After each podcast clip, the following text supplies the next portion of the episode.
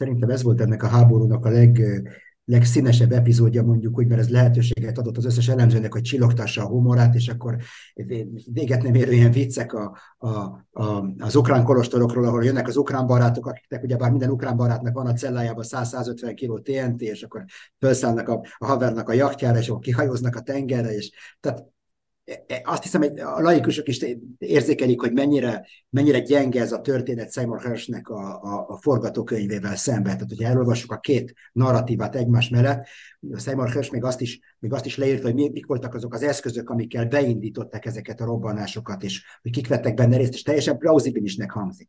Akkor ezzel a történettel szembe ezt a, a hogy is mondta Horváth József kolléga, az 5 plusz 1 szamurájt állítják, akik kihajóznak a, a háztáji TNT-jükkel, hogy felrobbantják a, a csővezetéket, de tényleg komolytalan szó.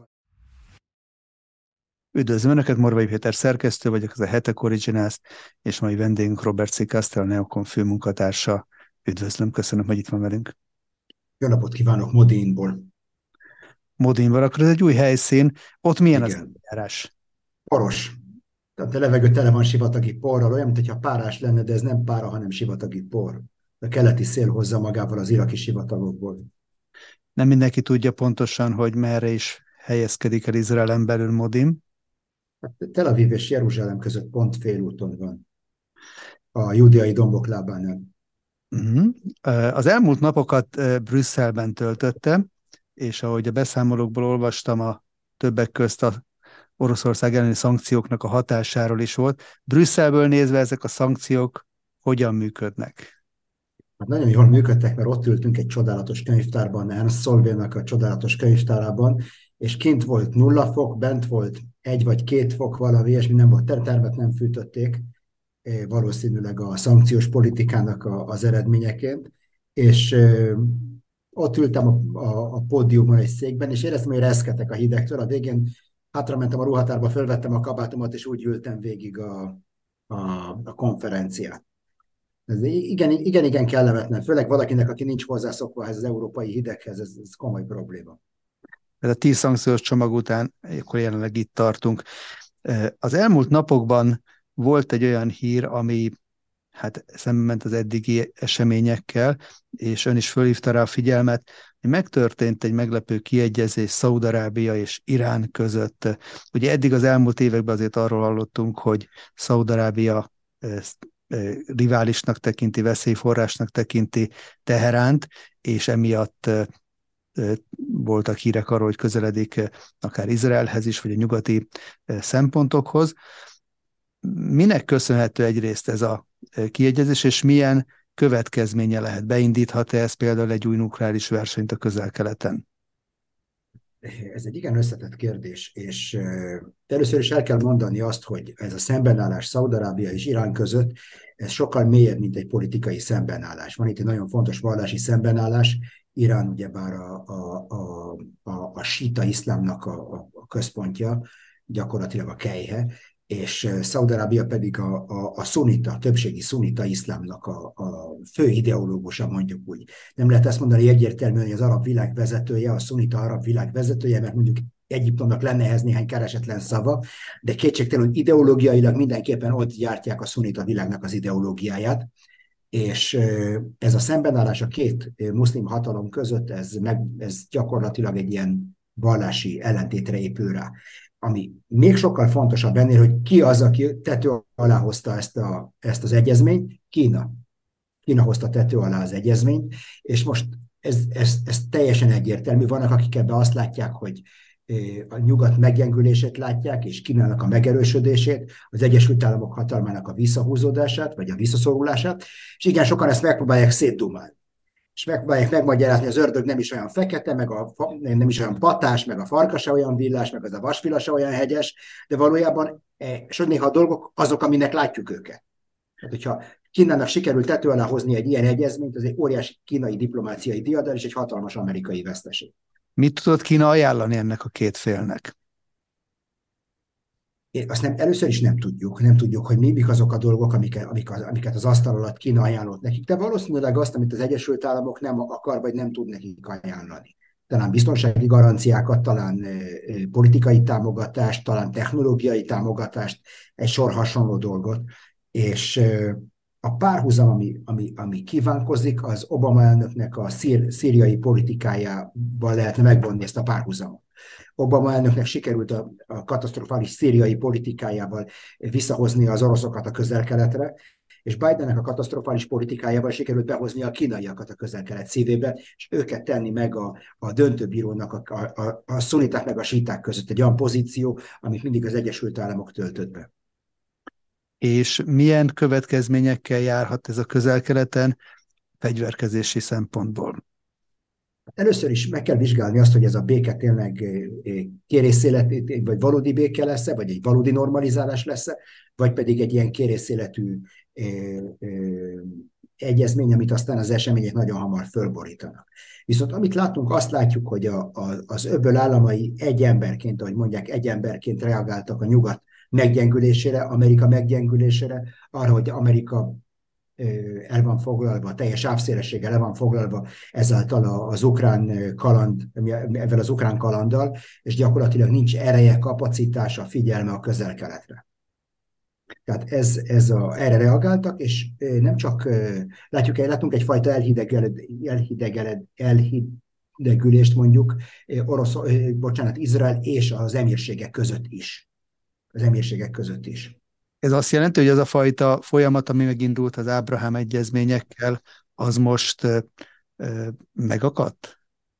Hát a két dolgot nagyon nehéz lesz egy, egyidejűleg fenntartani. Tehát mondjuk az emírségek, meg Szaudarábia, meg, meg Bahrain, meg ezek az államok nem tudnak egyszerre fordulni, Irán és egyszerre fordulni Izrael felé is. Tehát vannak, akik megpróbálták ezt úgy szétdumálni, és azt állítani, hogy hű, de milyen jó alkalom arra, hogy majd Szaudarábia fog közvetíteni Izrael és Irán között. Hát mit mondjam? Boldogok az optimisták. Én inkább fenyegetést látok, és én inkább azt látom ebben az egészben, hogy a, a, az arab államok egyrészt fölmérték a nyugatnak az abszolút mértékben mért gyengeségét, másrészt a relatív, relatív gyengeséget, ami, amit a széthúzás gerjeszt Izrael és az Egyesült Államok között.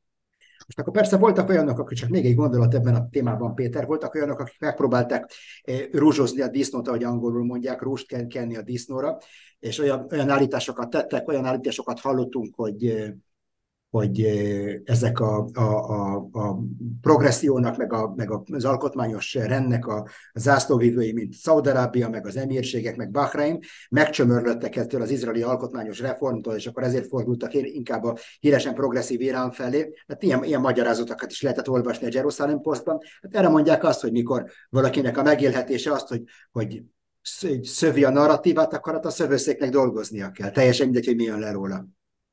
Említette Amerikának a helyzetét, hogy Amerikának, ahogy fogalmazott, a teljes sávszélességét lefoglalja az ukrajnai háború. Ugyanakkor Amerikát is érik váratlan kihívások. Most az elmúlt napokban például az egyik legnagyobb amerikai banknak a csődje, a Silicon Valley banknak a csődje, ami megrendített az amerikai pénzügyi rendszert, nem látjuk még, én most hétfőn kora délután beszélünk, nem látjuk még, hogy mekkora hatása lesz ez távolabbi pontokra, vagy akár Amerikára is.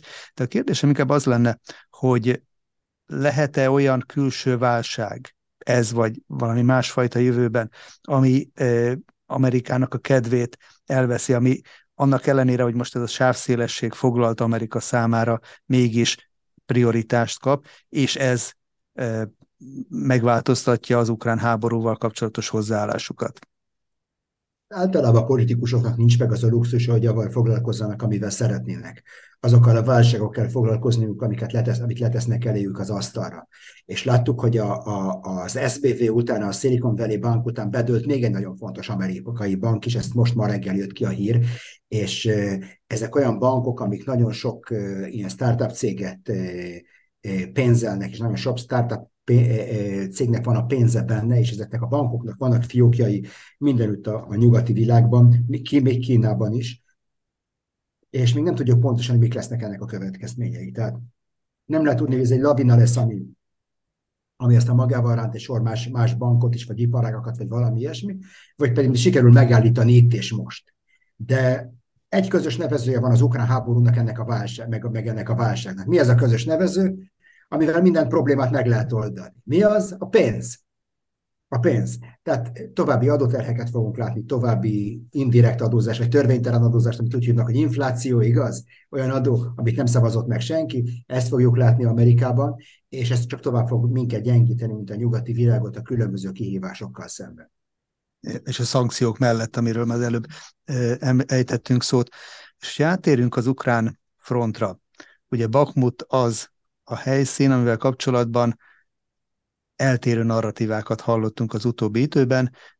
Én azt olvastam, most az ukrán szárazföldi erők parancsnoka arról beszélt, hogy Bakmut megtartása egyre fontosabb. Alexander Szirszki azt mondta, idézem őt, hogy a város védelmének minden egyes napja lehetővé teszi a számunkra, hogy időt nyerjünk a tartalékosok felkészítésére, felkészüljünk a jövőbeli támadó hadműveletekre, ezzel egyidejűleg a csatákban az ellenség elveszíti a legfelkészültebb és leginkább harcra kész csapatainak egy részét, beleértve a Wagner zsoldos csoport rohamosztagait, és a kitartó ellenállásnak a célja minden egyes nappal az, hogy csökkentsék az orosz megszállók támadó erejét.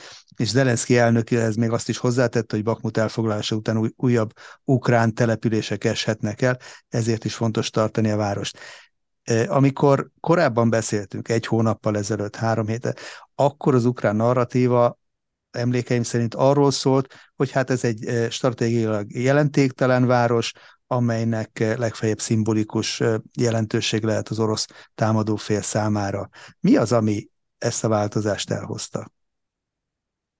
Én azt hiszem, hogy semmi nem változott. Az egyetlen dolog, ami változott, az a, a nem, pontosabban az sem változott, az, hogy a politikusok meg a, meg, meg a média, média a mi rövid, rövid memóriánkból élnek tulajdonképpen. Bakhmut úgy kezdte a karrierjét, mint egy fontos stratégiai célpont, amit az oroszok nem tudnak bevenni mikor az oroszok elkezdenek bevenni egy települést, akkor az egyből degradálja a, településnek a, a, a, a besorolását, jönnek ezek a, a Standard Poor, meg ezek a cégek, és akkor egyből le, le, le, le, lesorolják ezeket a, ezeknek a településeknek a stratégiai fontosságát, abban a pillanatban, hogy elesni látszanak, és valójában nem változik semmi. Tehát a, a, a, a tények azok nem változtak, és ami a narratívát illeti, egyetlen egy narratívát ismerek, azt úgy hívják, hogy a műholdas felvételek. Látjuk, hogy a város be van kerítve, azt is látjuk, hogy eh, a városon belül számottevő ukrán csapatok vannak, vannak, akik tízzer, tízzer ukrán harcosról beszélnek a városon belül. Ott az egymillió dolláros kérdés az, hogy sikerült-e az, utol, az utolsó hetekben eh, az ukránoknak lecserélni a legmagasabb harcértéket képviselő katonáikat, ilyen területvédelmisekre, akiket gyakorlatilag azért küldtek oda, hogy tartsák a frontot, ameddig lehet, és hősiesen halljanak meg utána, vagy pedig azok a magas harcértékű csapatok benn maradtak Bakhmutban, és ők azok, akik harcolnak az oroszok ellen. Tehát ez a második dolog. És a harmadik, az utolsó gondolat ebben a témában, hogy, hogy igen nehéz engem meggyőzni arról, hogy mikor valaki be van kerítve, és az ellenfele nagy tüzérségi fölényt élvez, akkor ennek a vérszivattyúnak a, az egyenlege az ő malmára hajtja a vizet, és nem az ellenség malmára. Tehát igen furcsa ez a, ez a fajta kommunikáció. Ez is lett volna pont a kérdésem, hogy működhet-e ez az ukrán egyenleg, vagy egyenlet, e, és ha igen, akkor, akkor milyen arányoknak kellene, hogy, hogy legyen értelme, tudjanak olyan szintű veszteséget okozni az orosz félnek, ami e, a jövőben e, jelentőséggel bírhat. Ami a demográfiát illeti, hogyha már a demográfiáról beszélünk, akkor Oroszországnak eleve van egy általános három-négyszeres előnye Ukrajnával szemben. Ez az első dolog. A második dolog, a kritikus korcsoportokban, a 20-24 évig terjedő korcsoportban az oroszoknak a, föl, a, a, a fölénye kilencszeres. Kilencszeres. Tehát pont a, a, a legrelevánsabb korcsoportokban Ukrajnának a korfája eléggé hasonlít gyernyőakácra derékban igen, igen, igen szűk, és pont ezekből a korosztályokból, ezekből a sávokból hiányoznak, hiányzik a legtöbb ember tulajdonképpen. Ez a tragédia. Az, az oroszoknál pedig az, a, a, a, a fölény az általában 4 és 9 szeres fölényről beszélünk a különböző korcsoportokban, de a legkritikusabb korcsoport, ez a 20-24 éves korig terjedő korcsoportban, akik a legfittebbek fizikailag, talán a leg, mondjuk, hogy talán még a leg, legnaivabbak, a jóstobák is ebben a korban az emberek még neki lehet őket hajtani a gépuskatűznek, anélkül, hogy kérdéseket kérdeznének, idősebbekkel már egy kicsit nehezebb, és pont ezekből hiányzik az ukránoknak. Tehát ezeket elveszteni szerintem egy iszonyatos veszteség, és igen nehéz lesz pótolni. Na most ebből a szempontból akkor lehet bármifajta ö, racionalitása ezeknek a állításoknak, hogy föntartják az orosz offenzívát, és megpróbálnak veszteségeket okozni kijöhet ebből bármi jó ukrán szempontból? Először is politikailag lehet, hogy itt vannak súlyos politikai érvek, hogy miért kell Bakhmutot mindenáron megvédeni, vagy legalább késleltetni a bukását. Ebben én, én nem látom ezeket a dolgokat, de lehet, hogy vannak ilyenek. Katonailag is nem elképzelhetetlen, hogy az a harmadik erődvonal, ami, ami az, gyakorlatilag az utolsó erővonal az oroszok, erődvonal az oroszok és a sztyepek között, az korán sem olyan erős, mint ahogy gondoltuk. És tényleg az ukránoknak szüksége van minden napra, hogy megerősítsék ezt a védelmi vonalat, mert különben az is nagyon hamar el fog esni. Tehát ezeket a dolgokat nem feltétlenül látjuk, lehet, hogy van itt egy komoly katonai, meg komoly politikai elgondolás ezek mögött a dolgok mögött, és az is lehet, hogy hozott valamikor Zelenszky egy döntést, és most ezt próbálják, ezt próbálják szétmagyarázni, mondjuk úgy. A nyugati fegyverszállítások még egy másik érv, ami föl szokott merülni, hogy addig tartják a várost, amíg megérkeznek a jelentősebb új megígért fegyverek, tankok és más eszközök. Erről, erről mit lehet tudni? Amit tudunk, megérkezett, ha jól emlékszek, megérkezett egy századnyi páncélos, 14 páncélos érkezett Ukrajnába, és ez nagyjából, ahogy mondani szokás, mint halottnak a csók. 14 páncélos, mikor ilyen 23-24 éves gyerek voltam, akkor bíztak rám 14 páncélos, tehát 11-et Izraelbe. Tehát ez, ez semmi tulajdonképpen. Ez egy olyan haderő, amit rá lehet bízni, tényleg egy ilyen 20 valahány éves sohancel. Nem egy, nem egy komoly, hanem nem képvisel egy komoly haderőt. És valószínűleg nem, nem ez áll a dolgok mögött. Valószínűleg nem ez, nem ez áll a dolgok mögött. Én nem tudom, hogy mi másra számíthat még Ukrajna. Ukrajnának tüzérségi lövedékekre van szüksége. Ukrajnának légerhárító rakétákra van szüksége. Sokkal kevésbé, mint ezekre a páncélosokra. De, de nem kizárt, hogy tényleg erre van. És akkor van még egy harmadik szempont, amit szoktuk emlegetni, hogy egy felkészülési időt jelent ez a tavaszi ukrán ellenoffenzíva számára. Mit lehet tudni erről? Mi lehet egy célja, mi lehet a célja, mi lehet a haditerve egy ilyen ukrán ellenoffenzívának, hol próbálkozhatnak meg áttöréssel, ha egyáltalán erre sor kerül? É, általában az, a, a, Krim, a, a, a Krimet Oroszországgal összekötő szárazföldi hidat szokás emlegeti, emlegetni, mint a leg hálásabb célpontját mondjuk úgy egy ilyen ukrán ellentámadásnak, és a feltelezés az, hogy, hogy ha sikerülne elvágni a Krimet, ezt a szárazföldi hidat, ami összeköti Krimet Oroszországgal, akkor ez egy nagyon komoly stratégiai csapás lenne Oroszország számára, esetleg sikerül, sikerülhet, talán sikerülne vele Oroszországot egy tűzszünetre kényszeríteni, vagy valami hasonlóra. Tehát nagyjából ez, a, ez az elgondolás, most ebben én két problémát látom. Az egyik az, hogyha vegyük a legpozitívabb forgató, a legrózsaszínűbb forgatókönyvet, akkor is mi történik, hogyha sikerül minden, és, és nem sikerül ki, kiütni Oroszországot a háborúval ebben, hanem csupán még, még vehemensebb, a háború még vehemensebb folytatására késztetnénk Oroszországot, esetleg nem konvencionális fegyverek bevetésére, hogy azt a szárazföldi hidat megmentsék. Tehát ez az egyik dolog. A másik dolog pedig az, hogy ennek a, ennek a támadás, ez a támadás kicsit olyan, mindig azt szoktam mondani, mint egy 90%-os híd. Egy 90%-os híd az nem híd. Az nem híd. Tehát ez a, ez a támadás is, hogyha jól halad előre, és sikerül az oroszokat visszavetni, sikerül egy helyi győzelmeket aratni, de nem sikerül teljesen elvágni a krimet, akkor nem csináltak semmit. Akkor az ukránok nem értek el ebben semmit leamortizálták a második hadseregüket is, amit, amit fölépítettek, a nyugati katonai segítséget, és akkor föltevődik a kérdés, hogy lesz egy pár hónap múlva még 150 páncélos, utána megint 150 páncélos, tehát meddig fog ez tartani? Mi lesz, hogy ez a támadás nem fog sikerülni? Mi lesz, hogyha ez a híd 90%-os híd marad? Úgy egyébként időablak szempontjából meddig eh, áll rendelkezésre Ukrajnának eh, idő erre, vagy mikor lenne ideális egy ilyen ellenoffenzívát megindítani? Hát én azt hiszem, hogy a legkorábbi időpont az az az időpont, mikor a talaj már képes ezeket a, ezeket a nehéz harcjárműveket hordozni. Eléggé felszárad a talaj ahhoz, hogy lehessen manőverezni rajtuk. Tehát ez, ez lenne mondjuk az egyik e, időkorlát. A másik időkorlát pedig szerintem Ukrajna mindenképpen egy cselekvési kényszerbe van. Tehát sokszor és sokan elmondták azt, hogy Ukrajna, az Ukrajnának nyújtott segítség az egy feltételes segítség. És a feltétel az, hogy sikereket mutasson föl Zelenszky. És ez fontos úgy kifelé, mint befelé. Tehát a lakosságnak ezt el lehet adni, hogy, hogy szenvedünk, meg nincs áram, meg, meg problémák vannak, meg stb., de van egy remény, van ez az offenzíva. De mi történik, hogyha ez az offenzíva kudarcot fog vallani, vagy be se indul? Említette az előbb a demográfiai helyzetet, és hogyha megnézzük azt, hogy egy kicsit általánosabb perspektívából, hogy a modern hadviselésben milyen szerepe van az élő erő mennyiségi tényezőjének, ezeknek a korfáknak, mozgósítási lehetőségeknek. Mennyire tudja ez ellensúlyozni a minőségi haderőt, vagy a korszerűbb haditechnika ezt a fajta létszámbeli fölényt? Ez egy klasszikus kérdése a harcművészetnek, vagy a hadtudományoknak, és én úgy gondolom, hogy egy rövid háborúban ez igazából nem számít hogy igazán egy rövid háborúban az országok abban harcolnak, ami abban a pillanatban, hogy, hogy mondani szokás, hogy ami a, a, a, a, a, a páncélozó csapatszállító járműben van, abban harcolunk. Tehát ami a raktárban van, meg amit a tankban hagytuk, ez mellékes. Ami itt van, ezzel harcolunk. Tehát ebbe, ez, ezzel a rendelkezésünkre. Ez ami a rövid háborúkat illeti, hatnapos háború, meg ilyesmi.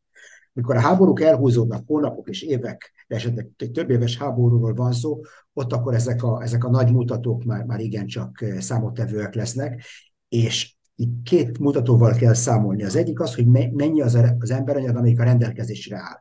A másik az, hogy mennyire, mennyire vagyunk képesek ezt, a, ezt az emberanyagot kihasználni.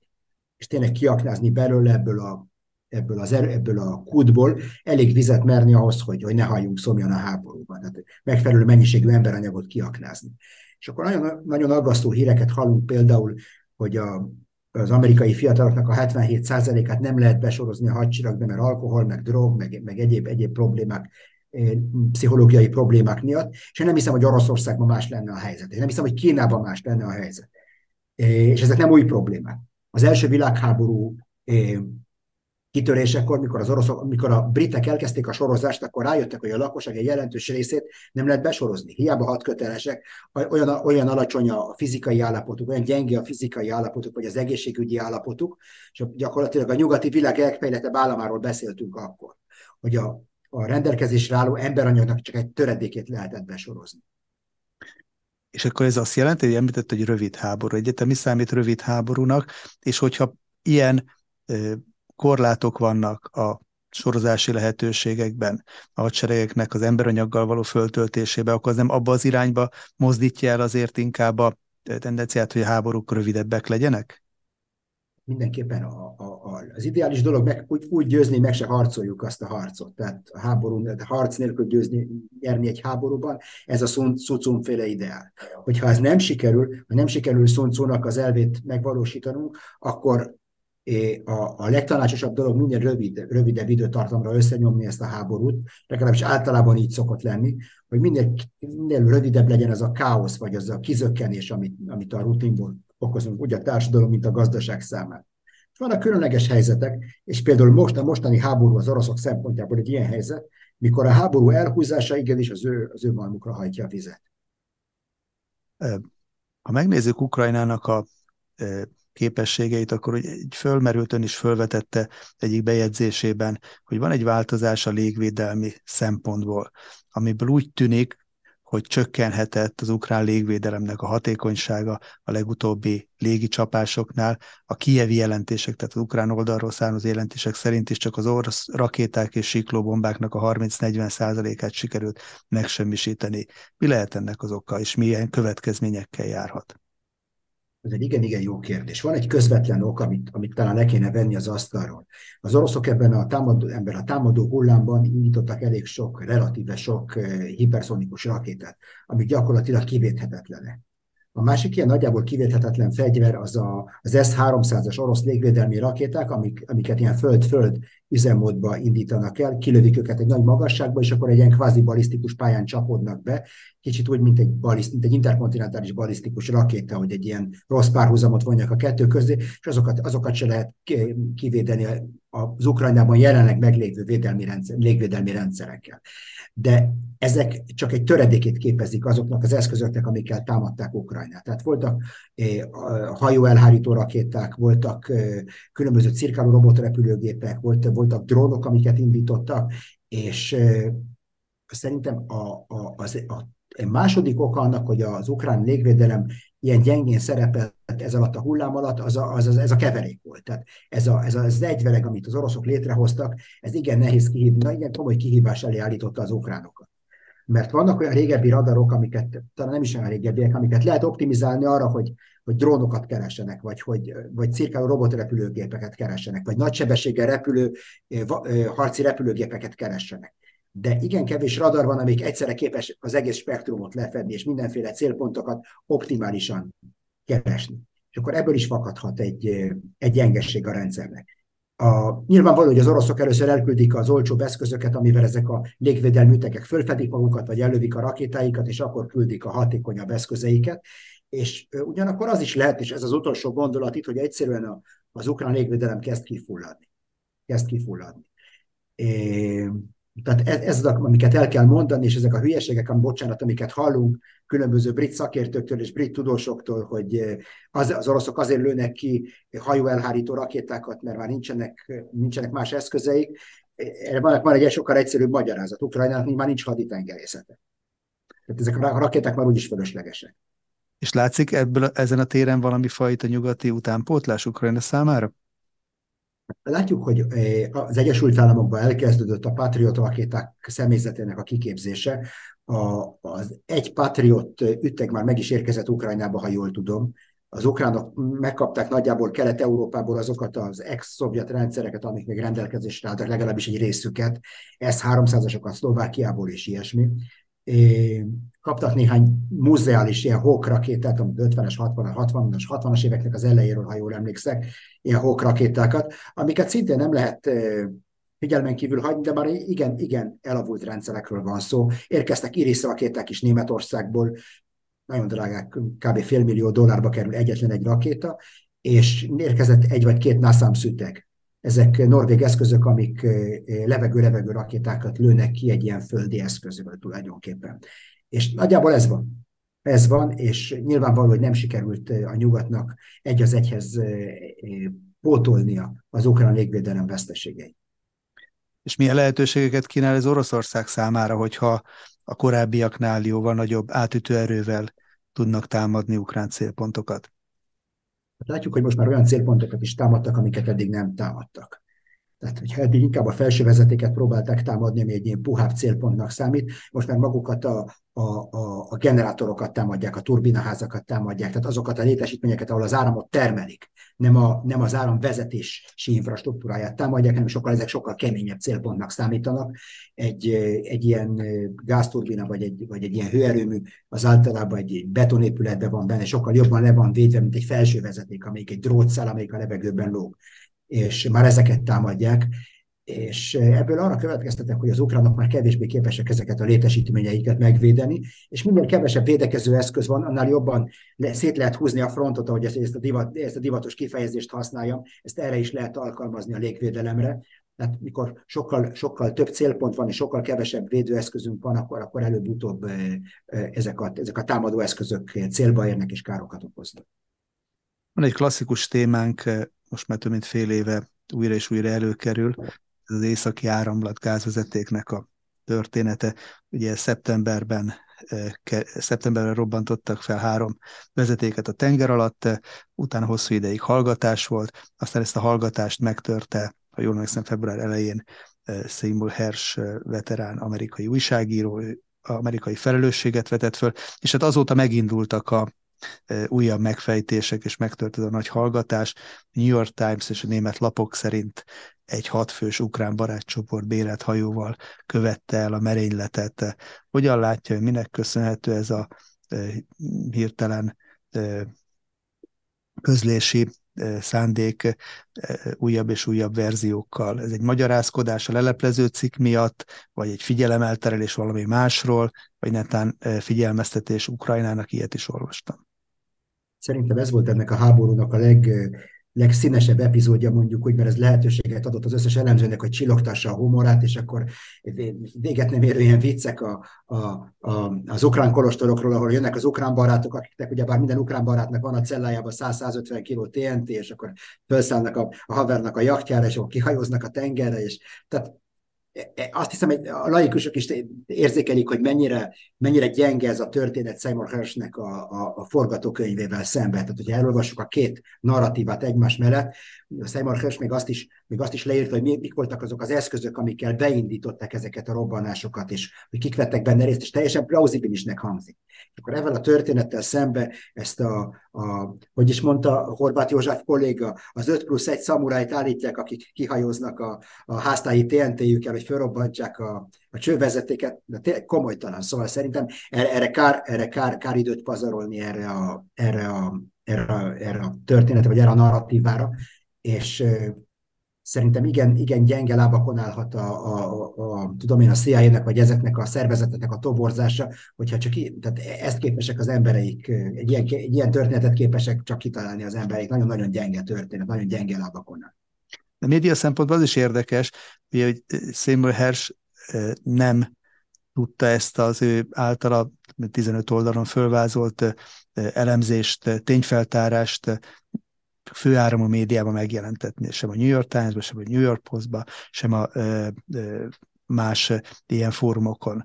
Mert, és itt volt a kritika vele szembe, hogy hát anonim forrásokatra hivatkozik. Na most ezzel szemben ez a másik verzió, amit a New York Times és a Die Welt és a többi főáramú média között, ez ugyanúgy, én ha jól láttam, akkor névtelen forrásokra hivatkozva adja elő ezt. Akkor ezt most hogyan lehet értelmezni?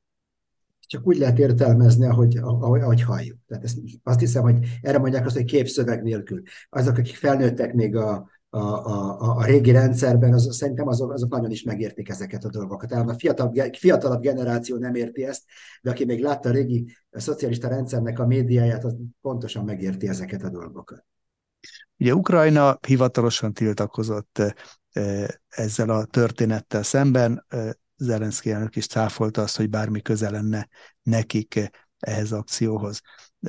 Lehet azért ezt úgy érteni, hogy valamilyen szinten azért zavarba hozta Ukrajnát, hogy egy ilyen forgatókönyvvel álltak elő?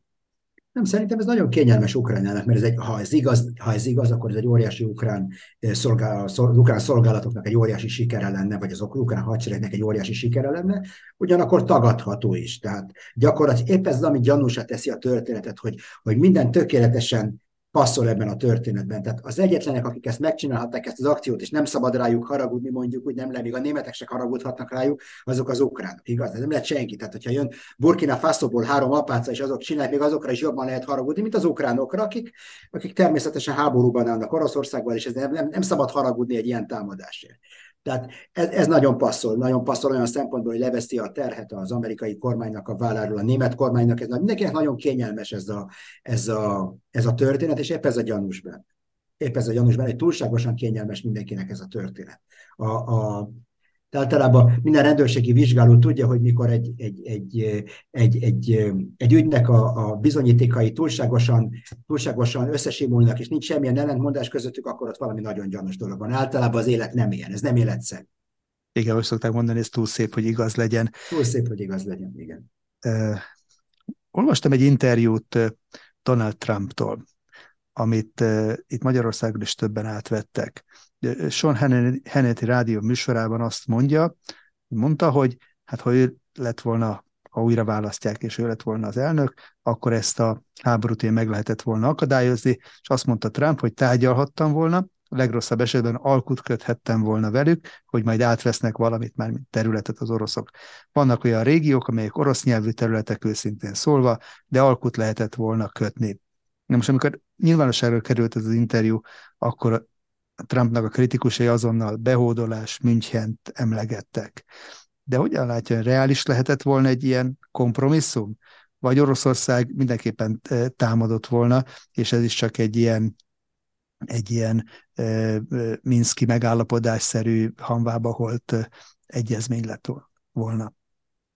Én úgy gondolom, hogy ha a nyugat tiszteletbe tartotta volna azt, hogy van egy posztszovjet térség, ami Oroszországnak a befolyási jövezete épp úgy, ahogy a Karib-tenger, sőt az egész nyugati félteke, a Monroe doktrin alapján az Egyesült Államoknak a, az érdekszférája, akkor, akkor meg lehetett volna spórolni ennek a, ennek a háborúnak a, talán nem a konfliktus, de a háborút meg lehetett volna spórolni mindenképpen.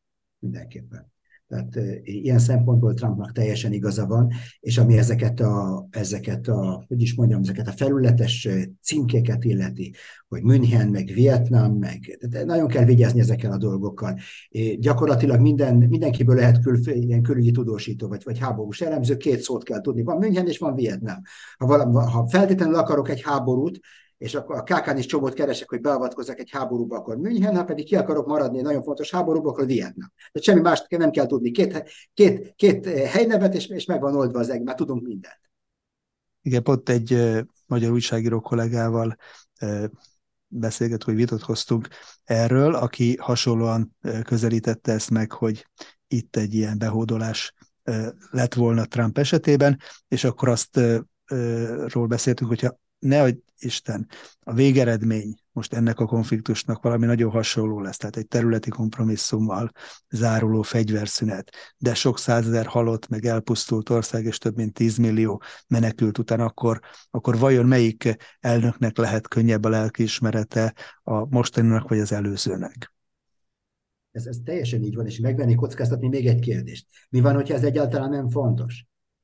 Mi van, ha egyáltalán nem fontos. A legnagyobb tragédia elesni egy olyan háborúban, vagy nagyon vitézen és hősiesen megharcolni egy olyan háborút, amit nem kell megharcolni egyáltalán. Tehát lehet, hogy az Egyesült, csak az Egyesült Államok szempontjából beszélek, nyilvánvaló, hogy Európának más a kalkulusa.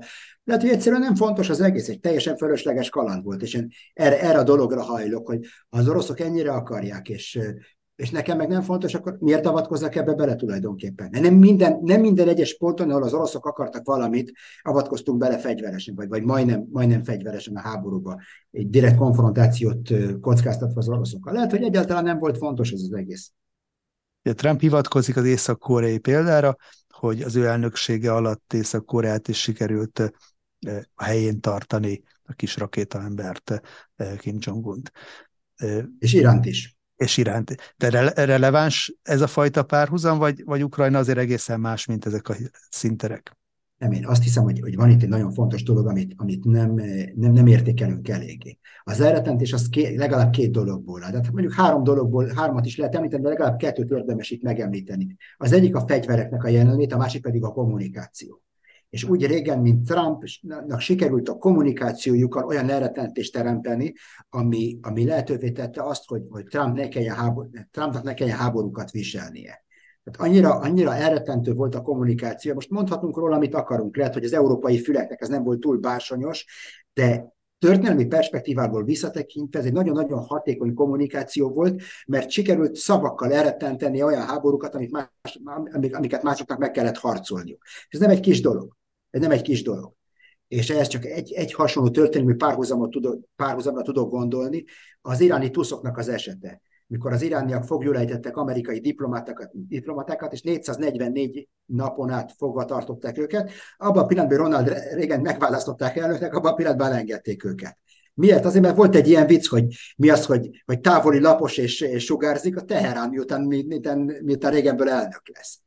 Tehát eh, féltek tőle, féltek a kommunikációja miatt és a viselkedése miatt, ezt hívják úgy, hogy az irracionalitás racionalitása. Néha a legracionálisabb dolog eh, az elretentés meg, eh, meg, megteremtése érdekében az irracionálisnak tűnni. És Trumpnak, Trump ennek nagy mestere volt.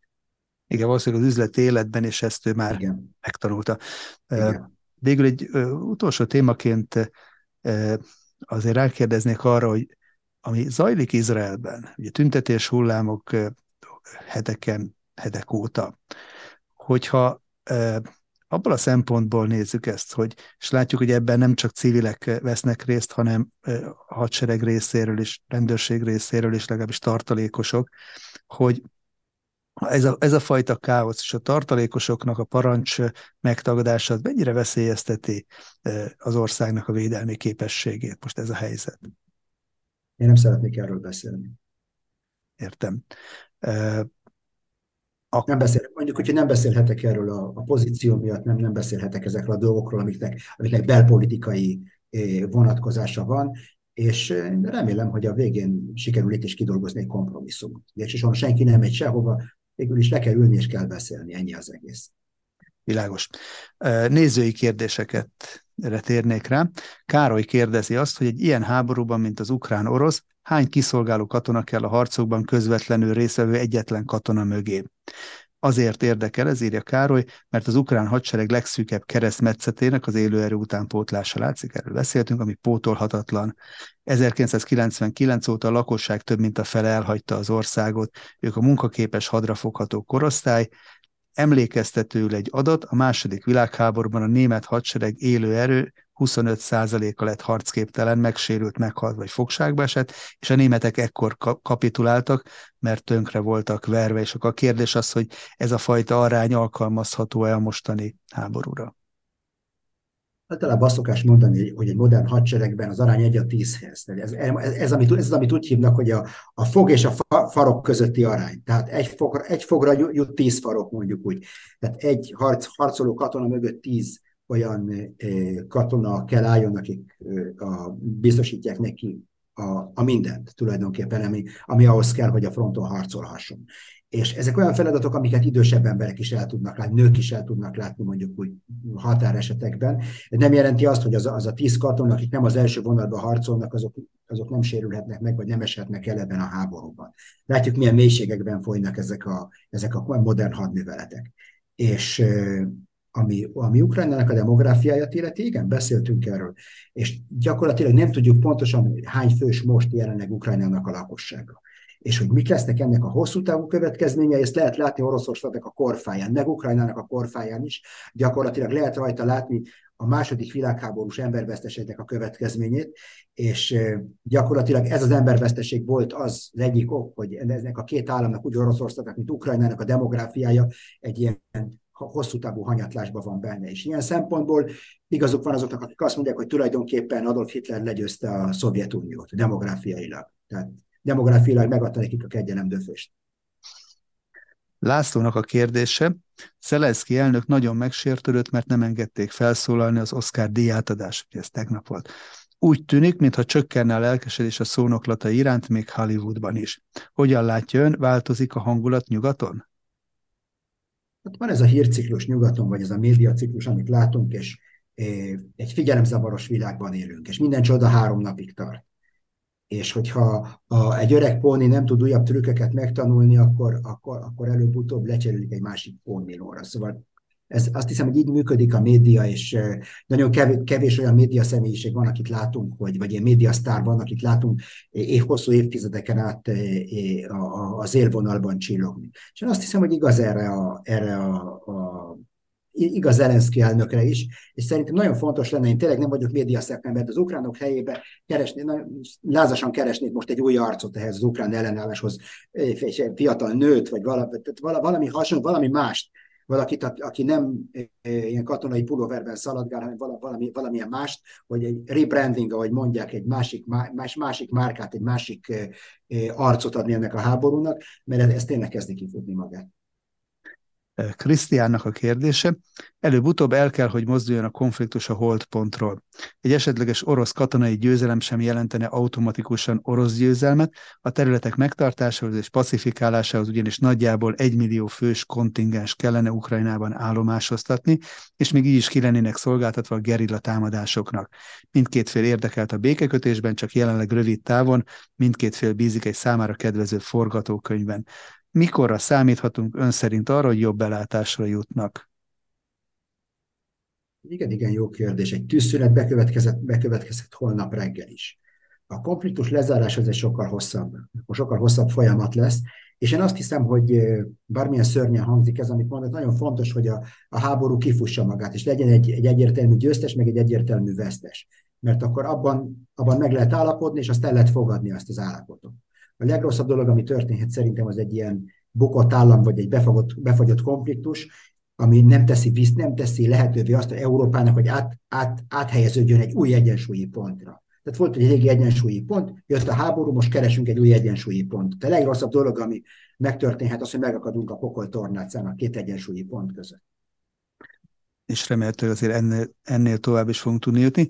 Nagyon köszönöm, hogy a rendelkezésünkre állt a hallgatók, nézők számára mondom, hogy a, a függőleges koporsó második bővített kiadásából lehet még dedikált példányokat rendelni ennek a módja leírásban megtalálható, és talán előzetesen annyit is mondhatunk, hogy ezt is kérdezték többen, hogy mikor láthatják önt újra itt Magyarországon, készül Magyarországra májusban, jól tudom?